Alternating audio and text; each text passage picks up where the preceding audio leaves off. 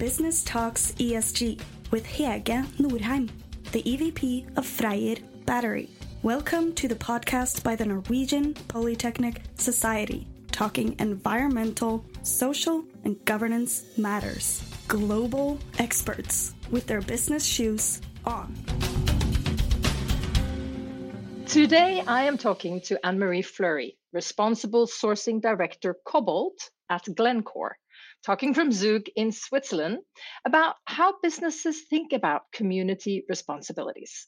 Welcome, Anne Marie. Hi, alle sammen. I hope I said that correctly. Oh, very good. good to see you. So let's dive into it, Anne Marie. When should business take community responsibility? Yeah, I think that is a great question. I think it really gets to the heart of um, the fundamentals. You know, what is uh, on what is the role of business? What is the role of other uh, players in society? So maybe just before answering um, in a bit more detail, um, I, I, thought it might be worth mentioning that um, community development, community issues, social performance, and sustainability more broadly are issues that I've worked on for 15 or 20 years in, in the mining sector and in mineral supply chains. Um, and it, I've had the opportunity to work uh, for uh, industry now, obviously, but also for NGOs, not for profits, standard setting organizations. Um, so I have I have been had the opportunity to work on these issues from different perspectives. Mm. Um, and I think this will come through in what I'll talk about.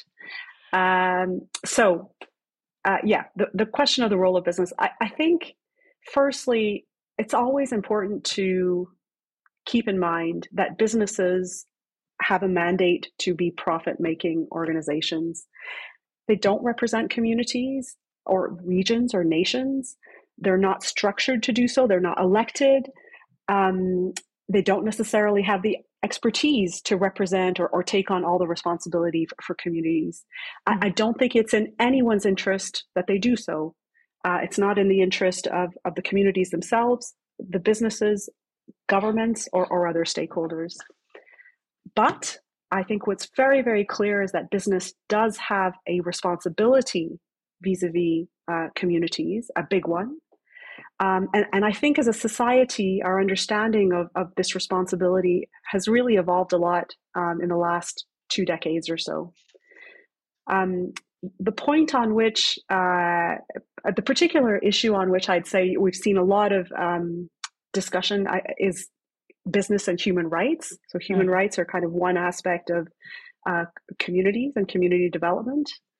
Um, but thanks to uh, the UN in particular, who, who did a tremendous project on defining the role of business vis a vis human rights through the, the UN guiding principles, um, we've really evolved our thinking on, on what the responsibility of business is there in their own operations, but also in their supply chains. So where they're, they're not directly operating, but they're, they're sourcing from. Yeah.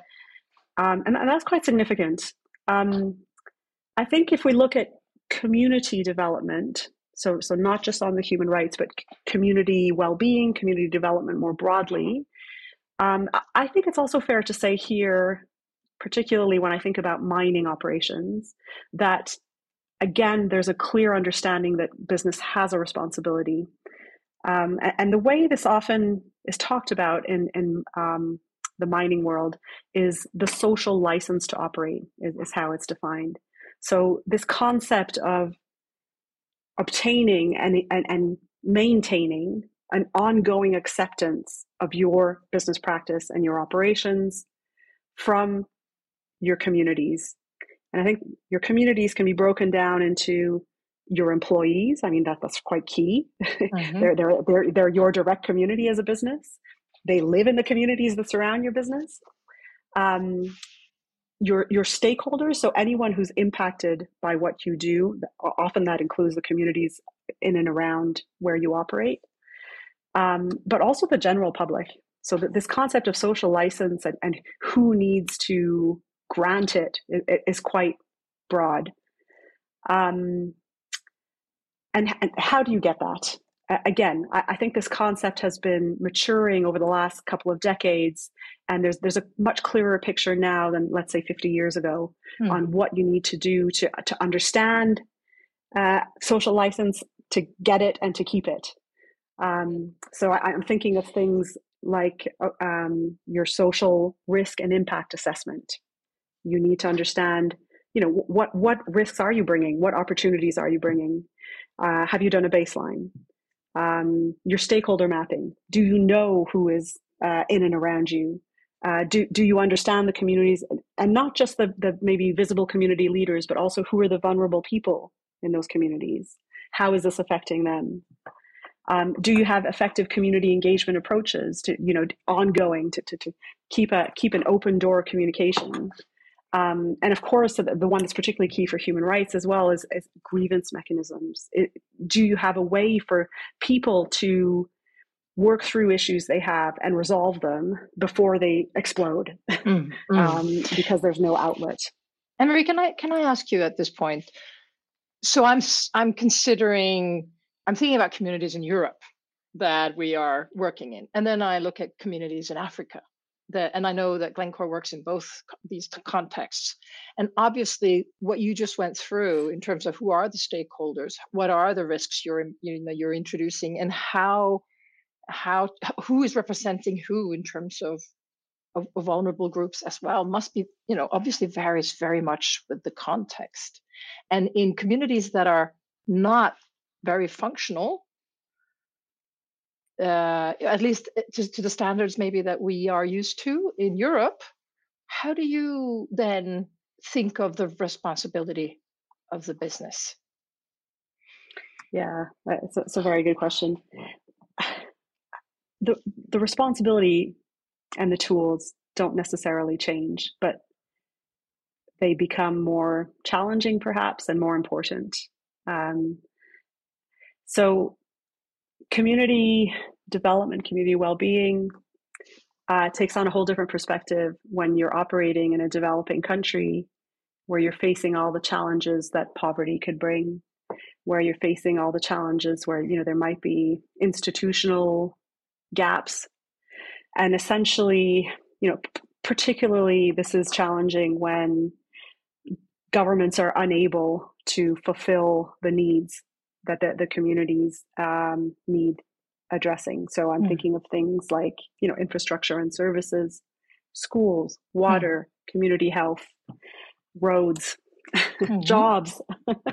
um, so eh, these are often challenges that you will find where there are mining operations. And the reason for this is because um, mining will often go into regions or areas where there may not be a lot of other industrial activity for different reasons. The the context may not be particularly attractive for you know foreign investment, whatever it may be. Mm. But mining has to go there because that's where the minerals are.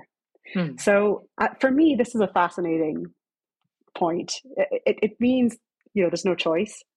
It means there's a whole lot of opportunities that this brings you know there are there is investment there are resources there are jobs. There's a whole lot of risks it brings as well.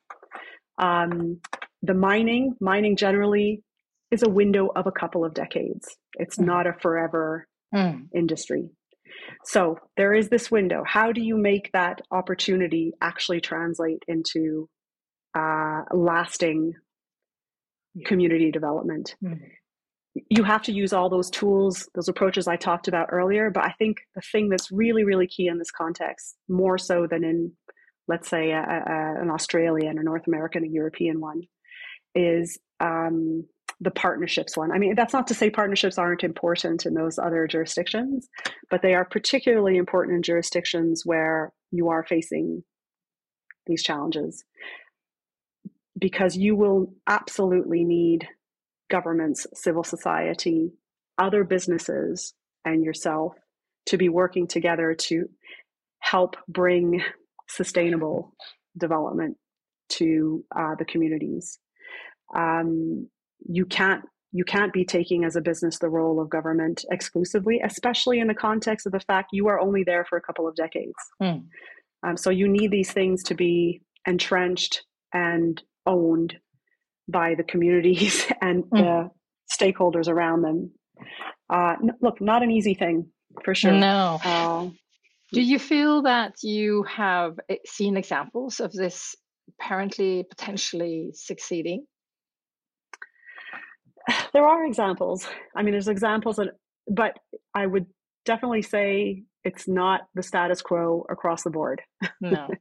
and, and, and look, part of the reason for that as well is, you know, I said I, this thinking I think has really come to the fore in the last couple of decades. Most of the mining operations that operate in challenging jurisdictions that have closed were mining operations that started, you know, at, at the beginning of the 20th century. Mm. They didn't have the same thinking and expectations and planning then that we exactly. do now. So, so to some extent, you can't expect it another point of course is that as i said this this is not a walk in the park. It's not an easy thing to do. Mm. um, but that said I, I, do think there's a couple of examples out there yes. And, and, i'm certainly more optimistic that we will see more of that as well uh, in future generations. One of the examples I, have uh, come across um, you know was was a, was a successful development of a, a petroleum uh, field so not mining but close and and they were able to and they or let me put it this way they they did part no local partnerships and they developed the community which then drew nearby communities migration if you like. And after 10 years they had huge amount of people that were surrounding their area you know in living in conditions that were not okay because but that didn't originally belong to the community how do you deal with that neighborhood? You know this is this is, this is a big there, there are big challenges. How do you sort of make something work in in a place where a lot of things are not working? Yeah i mean i guess the, a cynical comment would be that until you've you've solved the, the poverty issues and the challenges throughout the entire region you won't solve this in migration risk mm-hmm. mm-hmm. because mm. you make things better in one place people are attracted to it of course exactly um, so yeah i do think that's a bit of a cynical comment though and i, I don't want to just answer the question with that uh, I, look i do think this partnership approach again it, it just underscores the importance of the, the partnership approach and the um, working to entrench what you're doing with the communities and I think there's also probably a planning aspect where you you in the jurisdiction where you're operating, if you know this is going to happen, again, there needs to be, to the extent possible, planning for this mm. um, with governments, with civil society, mm. and with the communities in which you you're you're operating. Mm. But again, no easy solutions. So Glencore is at the core uh, in terms of supplying minerals and metals to the energy transition.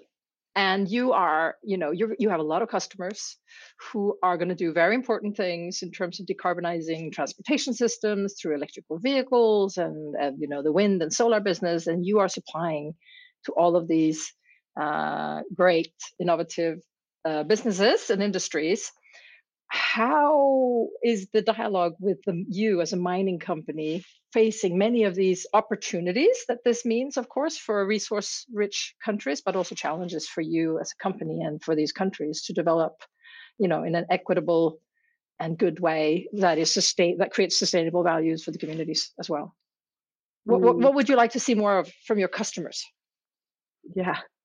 Um, Look, maybe first I'd like to comment that I think it is hugely exciting and game changing that, particularly in the renewable energy space and mineral supply chains, we are getting, yeah, we are getting the supply chain talking to each other in a way it never has before, I think.